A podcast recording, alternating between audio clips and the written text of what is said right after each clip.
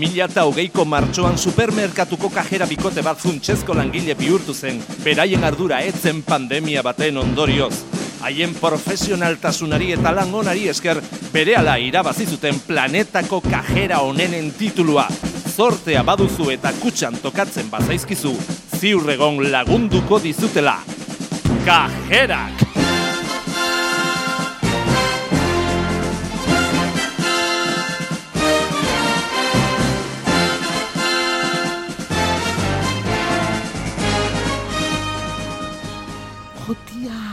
Andoni gaixua, eh?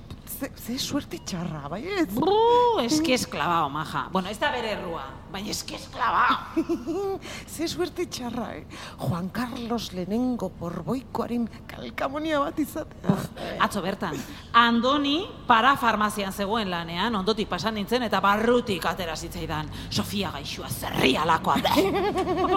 bai, bai, barrutik, barrutik atera zitzaidan. maja, ni, ni aurreko astean berarekin gurutzatu nintzen esneak eta arrautzen tarte horretan, eta ala esan nion. Potsuanako elefantek noizbait harrapatuko zaituzte. Oi, eta gaixuak ez dauka errurik, ez? Ea baltzizketakoa da, mutil majo, majoa eta zintzo, zintzoa, baina eski esklabao, txika. bueno, a ver, e, egia da jendeak baduela joera supermerkatuetan persona infamatuak aurkitzeko. Baita hildakoak ere. Elvis Presley, adibidez.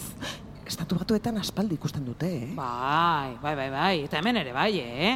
Lenguan, bime batean, Jose Miguel Barandiaran ikusi omen zuten arrasaten. Bai, bai, bai, entzun nuen, Hombre. bai. Eta aurreko astean Xavier Lete ikusi omen zuten San Jacobo kongelatu batzuk erosten abadinoko lidelen. Baizea, Xavier Lete San Jacoboa? Mm, bai, Ba, bai. Ez, enuke sekula imaginatuko. Bueno, beti esan izan da, ostiralero, ostiralero, bretxako merkatuan, Mikel Laboak burgoseko odolkiak erosten dituela, ara? Qué fuerte, maja. bai, fuertísimo.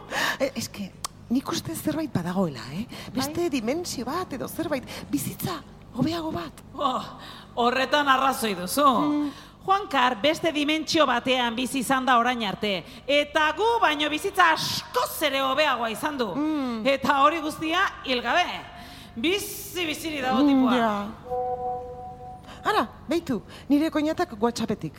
Errege emeritoa kalahorrako piztina municipaletan ikusi dutela azeitunak eta zurrakapotea edaten pizinetako tabernan. Que fuerte, A maja! ber, bera bakarrik. Eh, bai, bai, bakarrik komentzegoen. Ba ez, orduan ez da Juan Kar.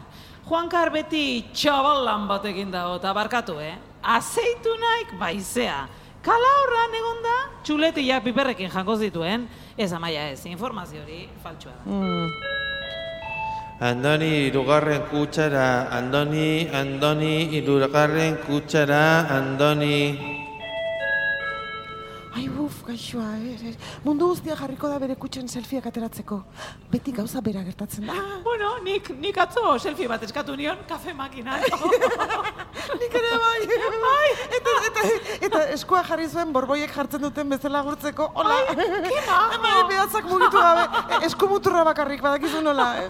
es clavao, chica, clavao. Ai, ai, gaixoa, gaixoa. Joan beharko genuke pixkat animatzera. Abesti batekin, zeiru itzen. Ah, bale, bale, venga, venga. Orain pixkatxo baten saiatuta gero, hirugarren kutxan kantatuko Mm, diogu, venga, bale? bale. A ber, ja, baina, ze abesti izan daiteke... Ah, ya está, badakit. Ah, e, Zein? Ah, sorpresa! Bere ala ezagutuko duzu, venga, venga, orain entxaiatu eta gero, Antoniren gana. A ber, tara, tara. Aizea proposa, Maribi. Zer da aukeratu Bai, duzun? eh, Bai. Julio Iglesias. Bai, bai. Dia,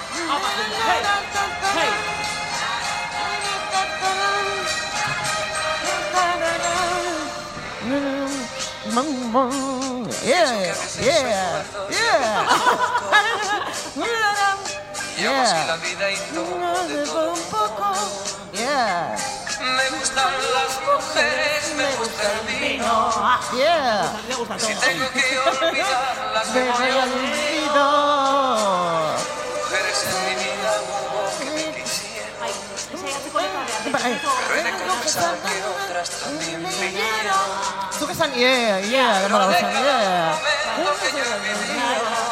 Ya, astera da. Si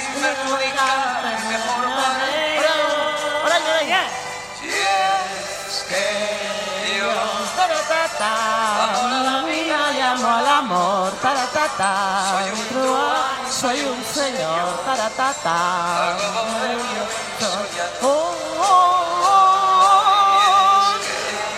Taratata. Amo la vida y amo el amor. Yeah, yeah. Yeah. casi Ay, fiel. venga. Andoni. Andoni, Andoni.